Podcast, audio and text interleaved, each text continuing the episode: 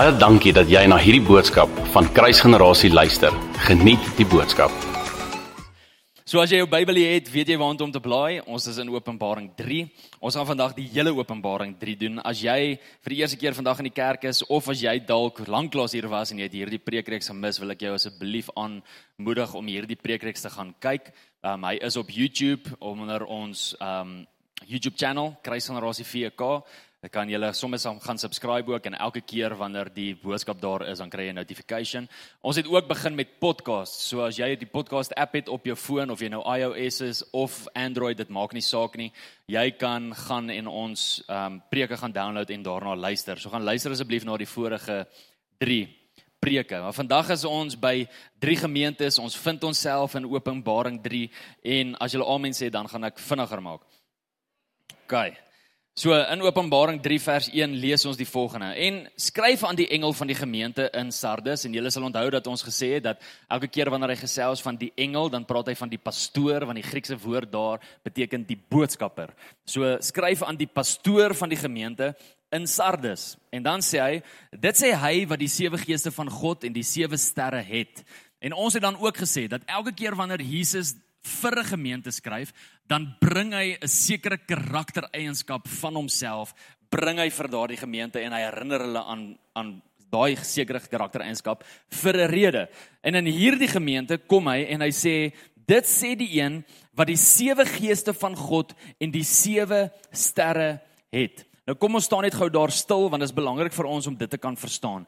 Die sewe geeste van God praat van die volheid van die Heilige Gees wat uitgebeeld word in Jesaja 11 vers 1 tot 2. So as jy notas maak, nee, maak asseblief daai notas sodat jy Jesaja 11 vers 1 en 2 kan gaan lees. 7 weet julle is die volmaakte getal. So die oomblik wanneer God praat van sy sewe geeste, dan praat hy van die feit dat sy gees volmaak is. En dan kom ons in Jesaja 11 en ons lees ook van hierdie sewe geeste. Kom ek lees dit gou vir julle. Jesaja 11 vanaf vers 1 tot 2. Maar daar sal 'n takkie uitspruit uit die stomp van Isaïe. Isaïe is nou Jesse in Engels, dis nou Dawid se pa. En 'n loot uit sy wortels sal vrug dra en hierdie profeet praat dan nou hierso van Jesus.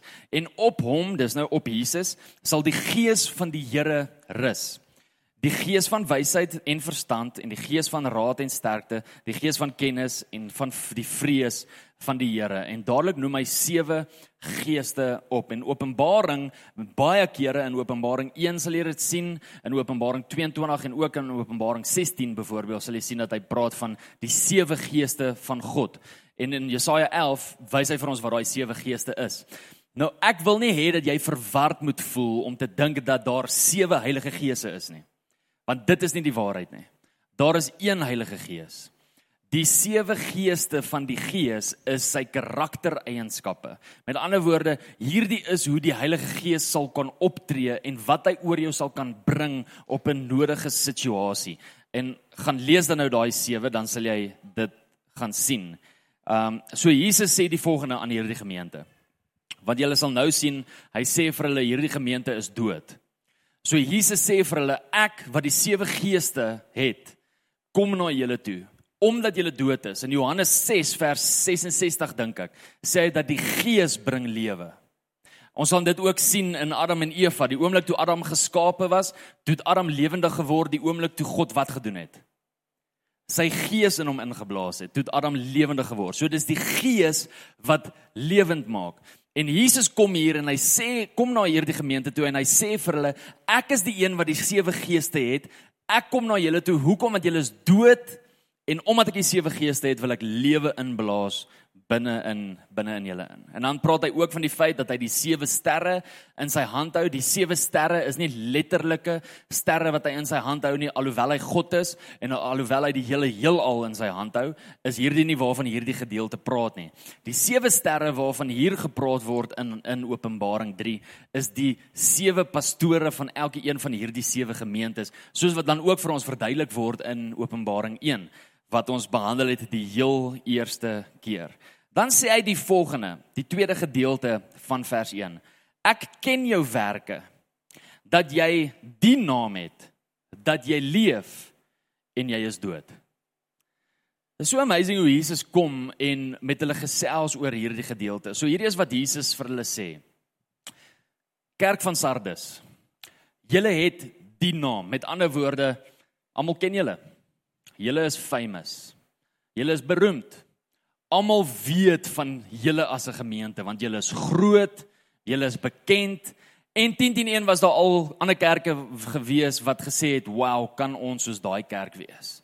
En as gevolg van die feit dat jy 'n groot kerk is, as gevolg van die feit dat hierdie grootte maak dat jy 'n naam het, dink jy dat jy lewendig is. Is dit nie 'n fout wat ons baie keer maak in die kerk nie? Die feit dat ons dink hoe groter 'n kerk is, hoe meer seën is daar in daai kerk.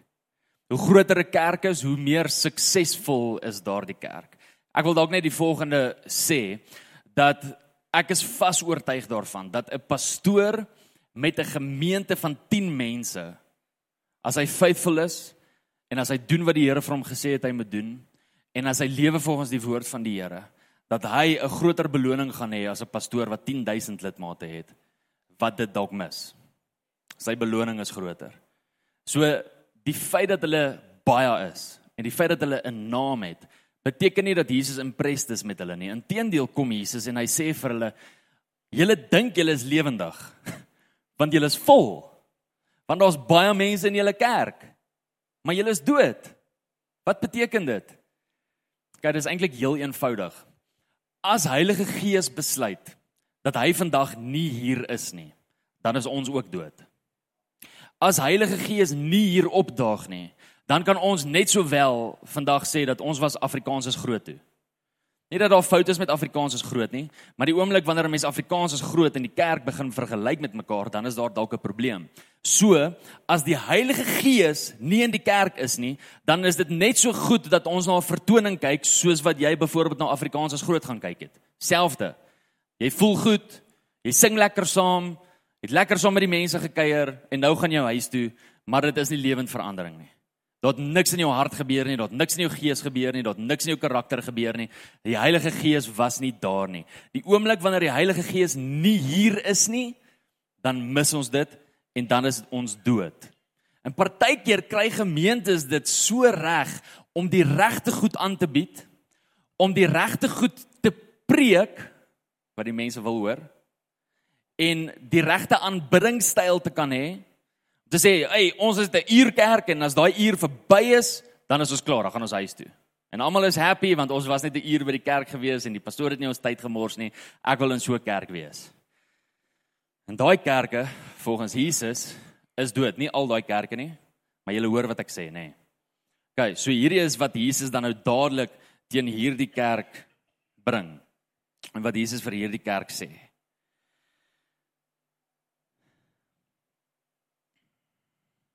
Dis amper asof hierdie kerk geestelik verdoof was as gevolg van hulle grootheid. Dis dis amper asof hulle gesê het, "Maar ons is groot, ons is ons kerk sit vol. Wat meer wil ons hê?" En en omdat hulle hulle sukses meet aan die feit dat hoeveel mense daar is, is hulle happy en is hulle content En is daar nie iets wat hulle najag nie? Dis net vir hulle goed genoeg dat die oomblik wanneer hulle daai deure oopsluit en die oomblik wanneer iemand opdaag vir 'n kerk vir die diens en die oomblik wanneer Sondag of Saterdag kom dat hulle sewe dienste het oor 'n naweek, dis vir hulle genoeg. Of die Here nou beweeg is irrelevant. Kan ontspan vra in 2017 November 2017 het ek oorgevat as die senior pastoor hier. So dis nou 'n volle 2 jaar en jy oorleef dit nog. Wel dan.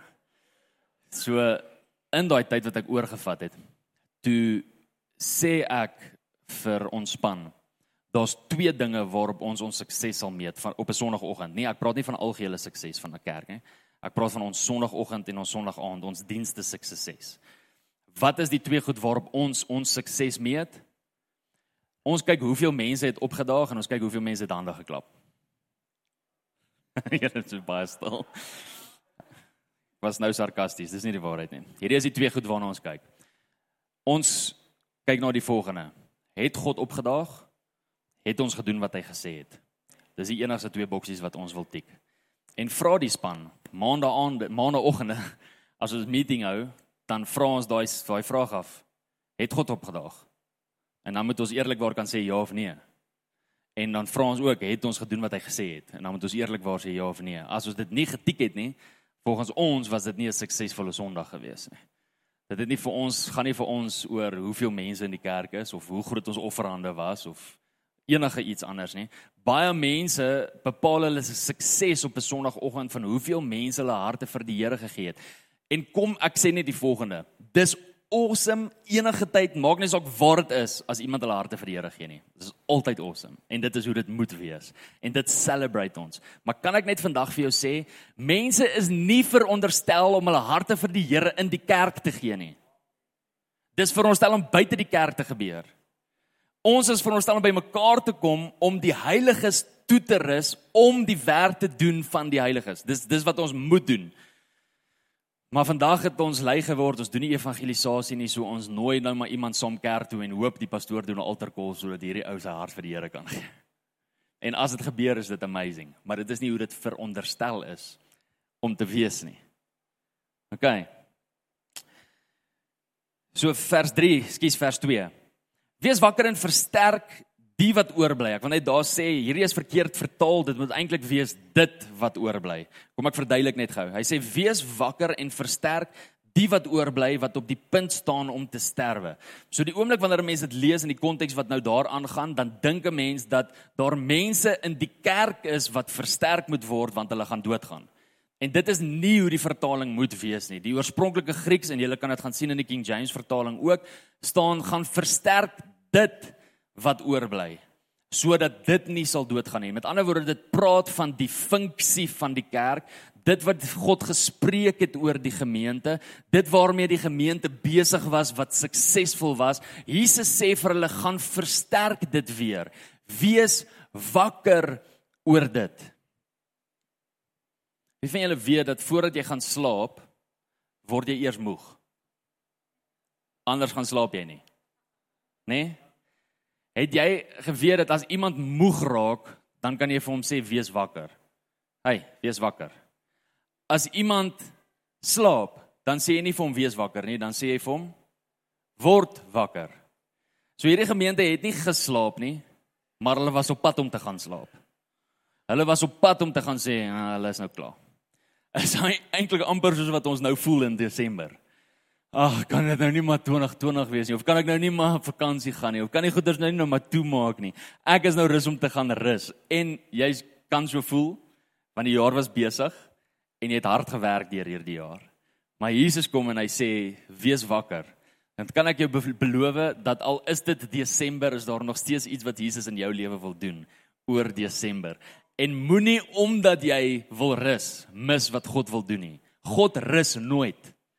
God roep ons om te rus. Dis belangrik vir ons om te rus. Iewers sal ek 'n preek preek oor dit. Dis belangrik vir ons om dit te doen. Maar ons kan nie in ons rustyd mis wat God mee besig is nie. Ons kan nie in ons rustyd diskonnekteer van dit wat God mee besig is en waarmee hy die stroom waarin hy vloei nie. Met ander woorde, ek rus dalk deur om op een van daai tubes te klim en saam in die rivier af te vloei in plaas daarvan om uit die rivier uit te klim en langs die kant te lê in die son. Dis hoe ek rus. So ons in ons geestelike lewens lewens veronderstel is om te te rus. Vers 4 sê: "Maar jy het enkele persone, ekskuus, ek is nog nie klaar met vers 3 nie. Onthou dan hoe jy dit ontvang het en gehoor het en bewaar dit en bekeer jou. Met ander woorde, onthou van die eerste goed wat ek vir jou gesê het as 'n kerk.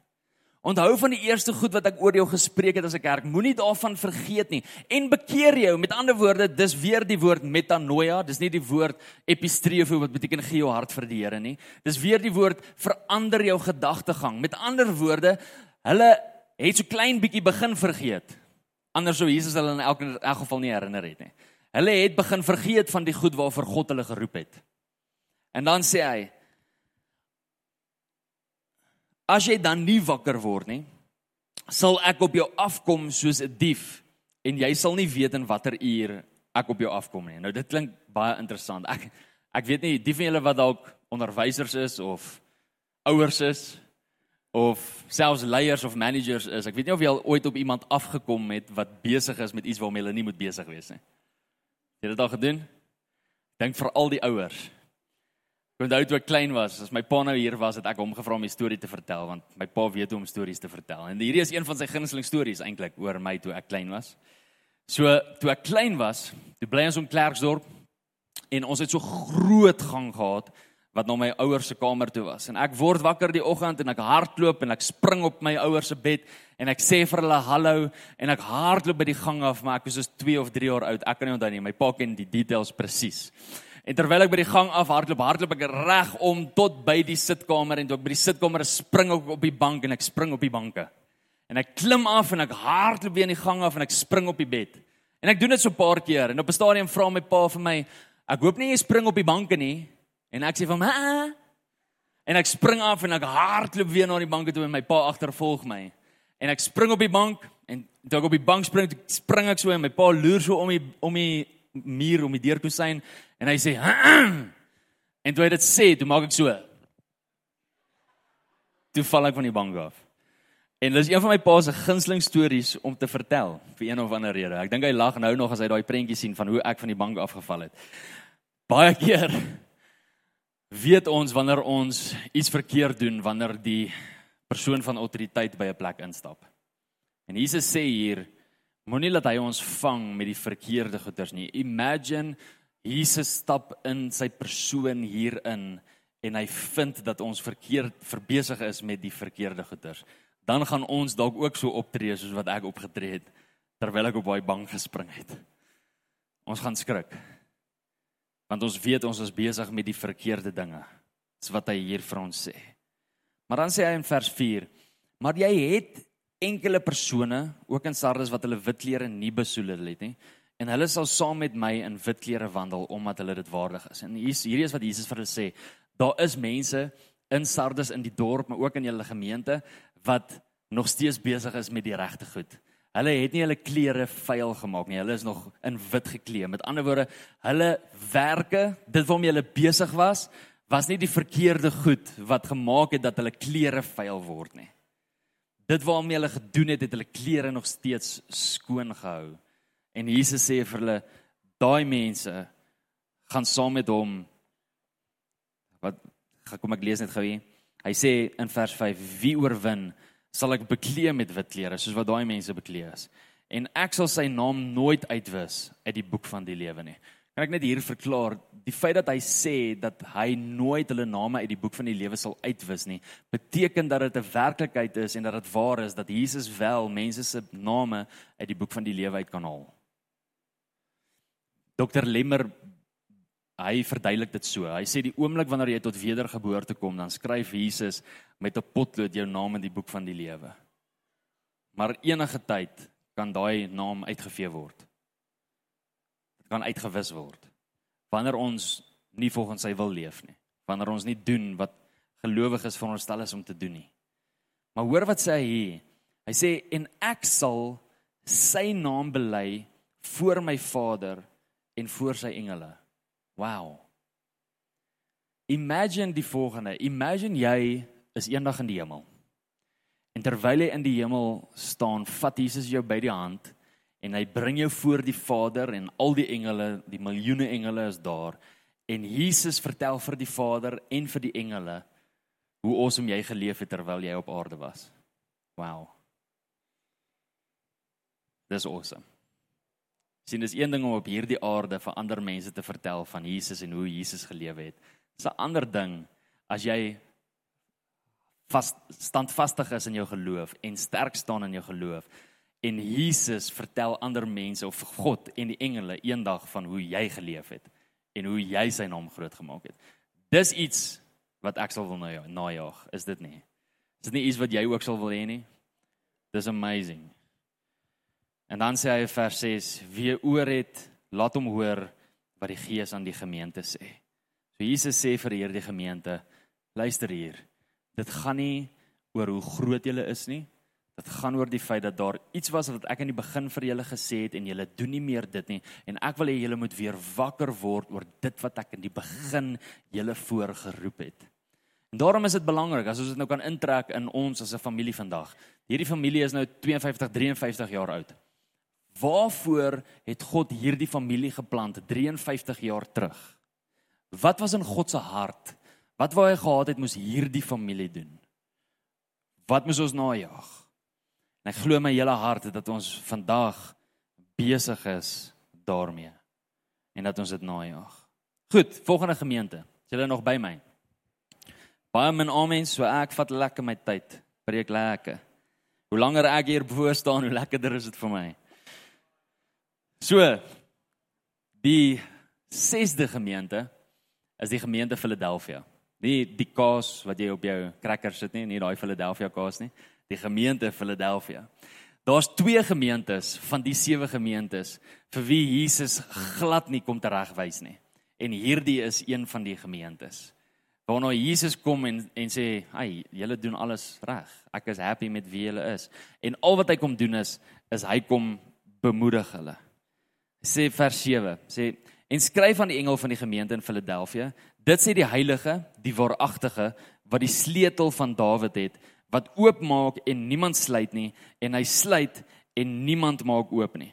So hierdie is wat Jesus vir hulle sê. Hy wys weer sy karakter en hy sê die volgende: Dit sê die Heilige. Met ander woorde, dit sê die een wat is soos wat niemand anders is nie.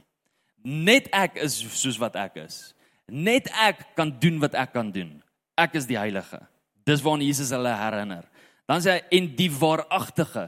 Met ander woorde, die een wat waar maak aan sy woord. Die oomblik wanneer hy iets sê, die persoon met die meeste integriteit wat leef, Jesus Christus. Die waaragtige. Wat die sleutel van Dawid het. Dit spreek van koningskap. Julle sal onthou in Lukas 1 toe die engel Gabriël aan Maria verskyn, toe gee hy haar 'n profesie van wie Jesus is en wie Jesus gaan wees en hy het vir haar gesê in Lukas 1 vers 32 dat Jesus op die troon van Dawid gaan sit. En hier verklaar hy die een wat die sleutels van Dawid het. Wat is die verklaring hier? Die verklaring is heel eenvoudig dat Jesus op die troon van Dawid sit en dat hy die koning is bo alle konings. Met ander woorde, hy verklaar self hier, daar's niemand bo hom nie, daar's niemand groter as hy nie. Daar is nie ander koning wat wat hom van sy troon af kan haal nie. Daar is nie ander koning wat groter of beter sal kan heers as wat hy doen nie. Hy is koning, hy het die sleutel van Dawid. Dit is wat hy verklaar. Nou die oomblik wanneer Jesus na jou toe kom en vir jou dit sê, ek is die koning en ek is die koning van die konings en ek hou die sleutel en hy sê vir hulle dat kyk, ek is die een wat 'n deur oopsluit en niemand kan toemaak nie. En ek is die een wat 'n deur toesluit en niemand kan oopmaak nie. Die oomblik wanneer Jesus dit vir jou sê en jou daaraan herinner, behoort dit jou ongelooflik opgewonde te maak, want dit beteken dat hy nou vir jou gaan met jou gaan gesels oor 'n nuwe geleentheid. En dit is juis wat hier gebeur. In vers 8 sê hy: Ek ken jou werke. Kyk, ek het voor jou 'n geopende deur gegee en niemand kan dit sluit nie. Want jy het min krag en jy het met het my woord bewaar en my naam nie verloon nie. It's amazing wat Jesus vir hulle hier sê. Want Jesus sê vir hulle die volgende: As gevolg van die feit dat jy min krag het, met ander woorde, hierdie gemeente is so afhanklik van God. Hulle verstaan, hulle kan nie uit hulle eie uit enigiets doen nie. Hulle het min krag, hulle is ongelooflik nederig. As gevolg daarvan is Jesus se beloning vir hulle dat hulle 'n nuwe deur gaan oopsluit. En daarom sê hy ook vir hulle: "Julle het vasgehou aan my woord." Familie, hou jy nog vas aan God se woord? Hou jy nog vas aan die beloftes wat hy gespreek het oor jou? Want Jesus sê hier aan hierdie gemeente wat vashou aan sy woord, wat vashou aan sy belofte. Jesus sê hier vir hulle: "Daar's 'n nuwe deur wat ek gaan wat ek het vir julle." So wat sê hy vir hulle? As gevolg van die feit dat jy faithful is in hierdie is hier vir jou 'n nuwe geleentheid. Dis wat Jesus vir hulle hier sê.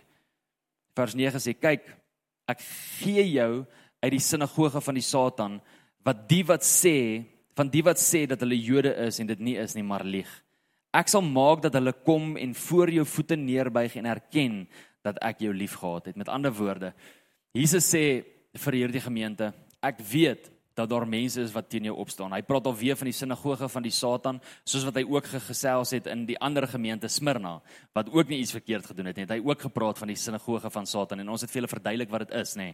Dis 'n Joodse sinagoge wat uit was om die Christene te vervolg en juist daai kerk ook te vervolg. En omdat hulle besig was met die verkeerde goed, het Jesus daai sinagoge vergelyk as 'n satanistiese tempel, as 'n sinagoge van Satan. Beteken dit dat alle Joodse sinagoges satanistiese tempels is of het, of het, of 'n Satan 'n sinagoge is van Satan? Nee, dit doen nie. Maar omdat hulle besig was met die verkeerde goed, is dit hoekom Jesus dit oor hulle spreek. En nou is hulle op 'n plek waar Jesus kom en sê, daai ouens wat teen jou opgestaan het. Daai ouens wat die heeltyd jou wil onderdruk, die heeltyd wil deure toemaak, die heeltyd die lewe wil moeilik maak vir jou, daai ouens gaan by jou voete kom neerval en kom verklaar hoe groot God is, hoe groot ek is. Is dit nie 'n amazing woord nie? Jesus sê vir hierdie gemeente, daar's 'n geleentheid wat ek vir jou gaan gee omdat jy vashou aan die woord van God en as gevolg van hierdie geleentheid, die oomblik wanneer jy deur daai deur stap, die oomblik wanneer jy in daai geleentheid instap, gaan die mense wat teen jou was na jou toe kom en sê, "Wow, dit kan net God wees." Die Here is werklik vir jou. Sjoe, ek voel sommer dat ek dit wil profeteer oor van julle vandag. Ek sou voel sommer dat ek dit wil verklaar oor van julle vandag. Dat daar deure is wat toe was, maar Jesus kom en my maak deure oop. En selfs al was daar mense gewees wat teen jou was en selfs al was daar mense gewees wat jou lewe vir jou moeilik gemaak het en selfs al was daar mense gewees wat vir jou gesê het jy sal dit nooit regkry nie of dalk na jou gekyk het en gelag het dat Jesus die een as gevolg van die geleentheid en as gevolg van jou gehoorsaamheid om deur hierdie geleentheid in te stap. Want wie van jou weet hy maak die deur oop maar jy moet nog steeds deur dit stap En die oomblik wanneer jy deur dit stap, sê hy dat die een wat teen jou was, nou jou toe sal kom en sê, kyk hoe groot is God. Nie kyk hoe groot is jy nie. Kyk hoe groot is God. Dit is 'n awesome woord om aan aan vas te hou. Vers 11 sê, kyk ek kom gou. Hou vas wat jy het sodat niemand jou kroon kan neem nie. Sjoe. Dis moontlik dat iemand jou hemelse kroone kan steel. Die oomblik as jy nie meer vashou aan dit wat jy het nie. So maak seker dat jy vas staan op die hoop van Jesus Christus. Maak seker dat jy vas staan op die woord van Jesus Christus en moenie toelaat dat enigiemand jou hemelse kroone steel deur enige iets na jou lewe toe te kan gooi of enigiets in jou jou kant van die baan te kan gooi wat maak dat jy optree soos wat 'n gelowige nie moet optree nie. Dan verloor jy jou kroon. In vers 12: Wie oorwin, ek sal hom 'n pilaar in die tempel van my God maak en hy sal daar nooit weer uitgaan nie en ek sal op hom die naam van my God skrywe. Ons het dit ver oggend genoem gesing in die liedjie dans. Hy skryf sy naam oor my. Jesus sê en aan die wat oorwin sal hy sy naam oor ons skryf. Hy praat van 'n banier. Met ander woorde dat almal sal weet die naam van Jesus is oor jou. Dis 'n naam wat ek oor my wil hê. En daai naam kom oor ons die oomblik wanneer ons in oorwinning is. Dan kom daai naam oor ons. Goed, die laaste gemeente, oom Gas gooi die amens, so ek gaan gaan vinnig. So julle gaan na die tyd vir hom 'n koue koop. So, die laaste gemeente. Die gemeente van Laodicense, Laodicea. Inteendeel dink ek dat hierdie gemeente van al die gemeentes uit die sewe sewe kerke in Openbaring is hierdie seker die bekendste gemeente. Want hier is al soveel keer gepreek oor hierdie gemeente. En kan ek ook vir jou sê dat baie keer is hier gepreek oor hierdie gemeente en dan is dit heeltemal uit konteks uitgepreek. Oeps. Maar wat ek ook vir jou wil sê is dat hier 'n ongelooflike mooi boodskap is vir elke een van ons die oomblik wanneer ons kyk na hierdie gemeente. So kom ons kom ons begin. In vers 14 sê hy en skryf aan die engel van die gemeente van van die Laodicense. Dit sê die Amen, met ander woorde dat wanneer hy iets gesê het, dan sal dit gebeur. Dis wie hy is met wie hulle nou hier praat. Dit sê die amen. Dit sê die getroue en die waaragtige getuie. Met ander woorde die oomblik wanneer hy getuig van jou of teen jou, kan jy weet dat dit altyd die waarheid gaan wees.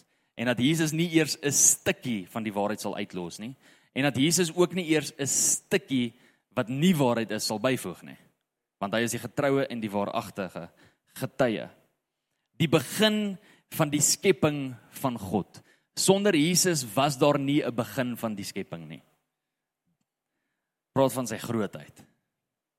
So groot ons God is. Hierdie gemeente van van Laodicea is die enigste gemeente van die sewe kerke wat niks reg gekry het nie. Jesus het nie eers een goeie woord oor hulle te sê nie. Nêrens in hierdie hele stukkie nie. Sjoe. Dis eina. Hoor wat sê hy? Hy begin sommer dadelik in vers vers 15 sê hy ek ken jou werke dat jy nie koud is en ook nie warm is nie. Was jy tog maar koud of warm? Maar nou omdat jy lou is en nie koud of warm nie, sal ek jou uit my mond uit spuug. Ander vertaling sê braak. Die oorspronklike Grieks praat ook van braak. Dis eintlik amazing om te kan dink dat Jesus na hierdie mense kyk en dat hy vir hulle sê ek wens jy was eerder koud as wat jy lou warm is. amazing. Dan word ek wens jy het eerder glad nie kerk toe gaan nie. Ek wens jy het eerder glad nie jou tiende betaal nie. Ek wens jy het eerder glad nie jou hande opgelig in die worship nie. Ek wens jy het eerder glad niks gedoen nie. Ek wens jy was koud. Dis wat Jesus vir hulle hier sê. Dis 'n harde woord. Maar weet jy wat? Ek het al gesien dat iemand wat blind is as gevolg van 'n gebrek aan kennis baie makliker oortuig word van die oomblik wanneer kennis kom teenoor iemand wat blind is as gevolg van te veel kennis. Baie keer, soos byvoorbeeld die Fariseërs. Die Fariseërs was blind gewees as gevolg van te veel kennis goeie genigtig. Julle weet dat die Fariseërs met die eerste 5 boeke van die Ou Testament, die Pentateeg of die Torah, die eerste 5 boeke, moes hulle uit hulle koppe uit gememoriseer het om dit te kan sê. Weet julle hoeveel profesieë is daar van die Messias in die eerste 5 boeke van die Bybel? Hulle het dit geleef, hulle het dit gememoriseer. Jy kan hulle in die middel van die nag wakker maak en hulle kon dit sê en die oomblik toe die Messias voor hulle staan, toe sien hulle hom nie. Die skrif het hulle blind gemaak.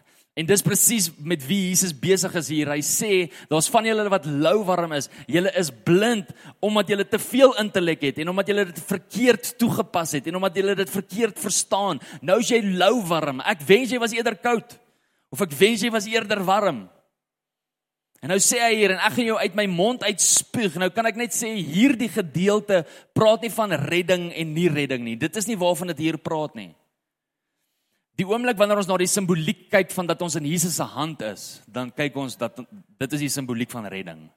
Die oomblik wanneer ons kyk na die simboliek van die feit dat ons in Jesus se mond is, dan kyk ons na sy beloftes en dit wat hy oor ons spreek. So hierdie is wat Jesus vir hierdie mense sê. Omdat hulle lou warm is, sal dit wat hy oor hulle spreek nie in vervulling kom nie. Hy sal dit terughou omdat hulle lou warm is, gaan die beloftes wat hy vir hulle gegee het, gaan dit wat die woord van God sê, nie deel wees van hulle erf, erfgenaam nie. Dit sal nie by hulle wees nie. Dis wat Jesus hier vir hulle sê. Nou kan jy imagine as jy lou warm is en niks Jy dink jy's 'n Christen, maar eintlik is jy nie 'n Christen nie of jy dink jy lewe volgens God se woord, maar eintlik lewe jy nie volgens God se woord nie. En dadelik is jy op 'n plek waar God se woord ook glad nie eers meer gaan vervulling kom in jou lewe nie. Kan jy dink Hoeveel arbeid gaan daar wees waar daar geen vrug gaan wees nie? En ek kan jou dink dat baie van julle hier dink dadelik finansies. Maar jy geweet dat hierdie die rykste kerk was van die sewe kerke. Lees saam met my in vers 18. Nee, skus vers 17. Want jy sê ek is ryk en het verryk geword en het aan niks gebrek nie. Dis wat hulle sê. Ek is ryk. Ek het verryk geword en ek het aan niks gebrek nie. Ek het niks kort nie. Daar's niks wat ek kort nie. Hierdie gemeente is die rykste gemeente. Hulle het finansies en hier's die probleem waarmee hulle sit. As God nie gehou het van ons leefstyl nie, sekerlik sou die finansies nie daar gewees het nie. So ons kan maar doen soos wat ons wil. Ons kan maar lewe soos wat ons wil. Die finansies is daar, so die blessings is daar. Die oomblik as jy jou sukses meet aan finansies. 'n Gevaarlike plek. Hulle sê hulle het niks kort nie. Jy sien dis juis wat in hulle harte verkeerd is. Ek het al soveel keer dan kom nou mense na my toe dan sê hulle vir my nou, "Hoekom seën die Here mense wat hom nie dien nie?" Kan ek kan ek jou my eerlike antwoord gee? Sodat hy vir jou kan wys dat daar iets fout is in jou hart. Want die woord van God sê jy moenie ander mense se lewens begeer nie. En die woord van God sê gaan kyk in die studie in Johannes, die heel laaste hoofstuk in Johannes. Kom Petrus, Jesus is besig om met Johannes te praat. En Jesus sê 'n mooi woord vir Johannes en hy gee 'n mooi boodskap, ekskuus andersom. Hy gee 'n mooi preek vir Petrus, 'n mooi boodskap vir Petrus, 'n mooi woord vir Petrus. En dadelik sê Petrus, "Ja, maar wat van Johannes?" En Jesus antwoord vir vir Petrus en hy sê, "Wat gaan dit jou aan wat ek met Johannes doen?" Wat ek met Johannes doen is tussen my en Johannes. Wat ek met jou doen is tussen my en jou. Wat maak dit saak of ander mense geseënd is en ryk is? as jy jou sukses gaan maak, gaan meet aan jou finansies, dan gaan dit altyd 'n issue wees in jou hart en dan is dit iets wat jy moet uitsorteer in jou hart. Want jou sukses word nie bepaal deur hoeveel geld jy het nie.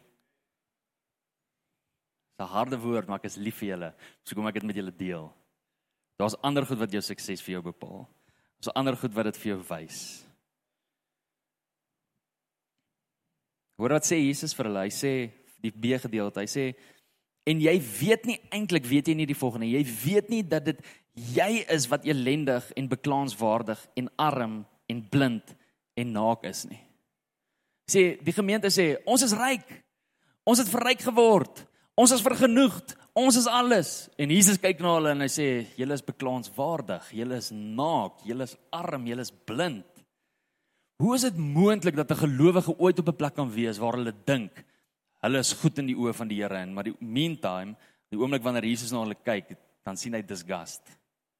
sien hy julle is beklaanswaardig. Julle mis dit. Hoe is dit moontlik dat 'n mens ooit so verhard kan word in jou hart?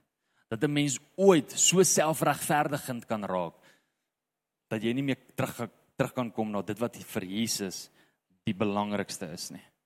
Vers 18 sê: Ek raai jou aan om van my te koop.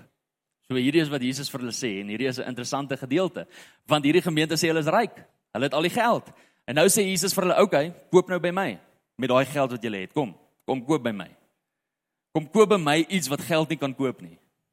En dan noem hy drie goed wat hulle moet koop by hom wat geld nie kan koop nie. Dis interessant. So Jesus spreek dadelik 'n hartsissue aan by hierdie gemeente. Daar's drie goed wat Jesus wil hê hulle moet koop. Die eerste ding is goud. Jesus sê koop goud by my. Wat beteken dit? Dit beteken die volgende. Jesus sê vir hulle: "Wees ingekoop oor die proses wat ek het oor jou lewe." Daar's tye wat jy deur moeilike tyd gaan gaan en daar's tye wat jy deur 'n goeie tyd gaan gaan. Daar's tye wat jy bo op die berg gaan wees en daar's tye wat jy onder op die berg gaan wees. Maar wees getrou in hierdie proses want hierdie proses volgens 1 Petrus verstaan ons dit ook so is alles sodat die beste van dit wat in ons is na vore toe kan kom. Sodat die goud letterlik gelouter kan word. Daar's 'n gedeelte ook in Matteus 6 vers 19 dink ek. Ja, vers 19. Waar Jesus kom en sê belê in hemelse besittings. Daai besittings wat nie kan roes nie. Daai besittings wat nie gesteel kan word nie. Dis die besittings waaraan ons belê. So hierdie is die challenge wat hy vir hierdie gemeente uitgegooi. Hy sê, "Oké, okay, julle sê julle is ryk, julle sê julle is vergenoegd. Oké, okay, belê nou in die goed wat in die hemel is. Sodat jy eendag wanneer jy in die hemel is, dat jy daar rykdom sal hê dat jy daar besitting sal hê want eendag kom daar 'n dag wat ek terugkom en dan gaan jy niks meer van hierdie goed hê nie. So vir wie doen jy dit? As jy dit nie eers kan nalat vir enige iemand nie. As jy dit net gaan verloor, vir wie doen jy dit? Dis wat Jesus vir hulle hier sê. Dan sê hy vir hulle koop by my wit klere. Wit klere spreek van reinheid. Die oomblik wanneer 'n bruid wat in wit geklee is afstap by die aisle en sy het wit aan, dan verklaar sy dat sy rein is en sy verklaar dat sy rein voor haar bruidegom gaan staan. Dis ook 'n verklaring van maagdheid, want maagdheid is reinheid. In vandag se tyd is dit ongelukkig jammer dat die bruide wat daar afstap met wit nie noodwendig so rein is nie. Al wil hulle graag hê hulle moes wees, maar hulle leefstyl verklaar nie hulle kleding wat stuk wat hulle aan het nie. So Jesus sê vir hulle koop wit klere.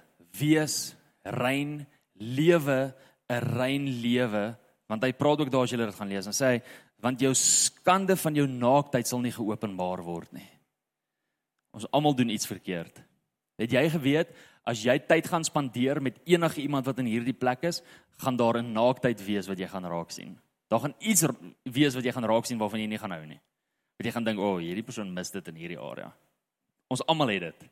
En Jesus sê hier, as jy 'n rein lewe lewe, dan kry jy by my wit klere sodat die mense nie eers daai naaktheid van jou sal raak sien nie. Dis wat Jesus hier sê. Bly gefokus. Ekskuus. Hy sê hy praat van om vrymoedigheid te kan hê om in sy teenwoordigheid te kan staan. Want baie keer kom die duiwel en hy gooi jou met modder en jou klere is nie meer wit nie en dan het jy nie vrymoedigheid om voor die Here te staan nie. Jy geweet eintlik is ons veronderstel om naak te wees voor die Here sonder om skaam te wees, maar dit het heeltemal omgedraai want die oomblik toe Adam en Eva van 'n vrug eet waarvan hulle nie moes geëet het nie, toe is hulle naaktheid ontbloot en ewe skielik gaan kruip hulle weg in plaas daarvan om voor die Here te kan staan. En van al die blare wat hulle aangetrek het, trek hulle vye blare aan en geen mens weet hoekom hulle dit gedoen het nie want vye blare juk. Toe juk hulle op plekke waar hulle nie moes gejuk het nie want hulle het voor die tyd gejuk plekke wat hulle ook nie moes gejuk het nie, nê. Dan die derde ding wat Jesus vir hulle sê hulle moet koop. Ek is amper klaar. Hierdie is die derde ding wat Jesus vir hulle sê hulle moet koop. Salf vir hulle oë.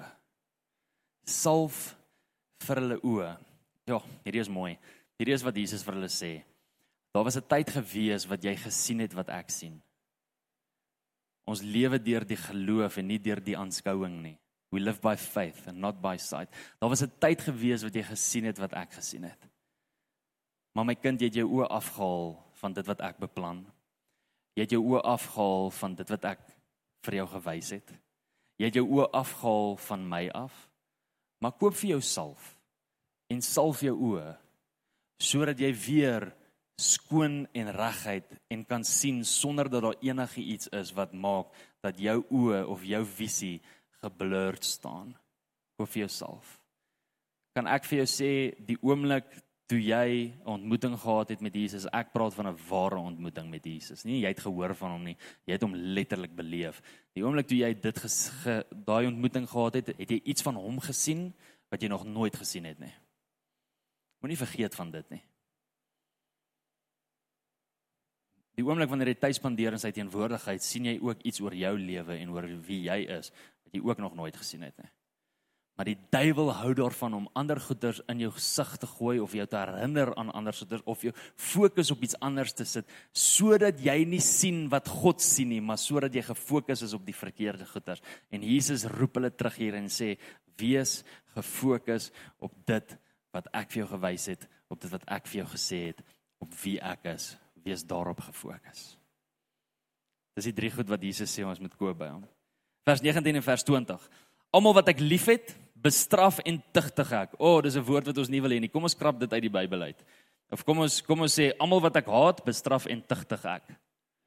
Moet ons dit nie doen nie. Moet ons dit hou. Almal wat ek liefhet. O, God, nou wie's lief vir die Here? so word jy getugtig. Interessant, iewers sal ek dalk preek oor hoe word ons getuigtig deur die Here, maar vir nou gaan lees bietjie Johannes 15 en Hebreërs 12 en dan gaan doen jy 'n studie oor dit, oor hoe God ons tugtig. OK. Vers 20. Kyk, ek staan by die deur en ek klop.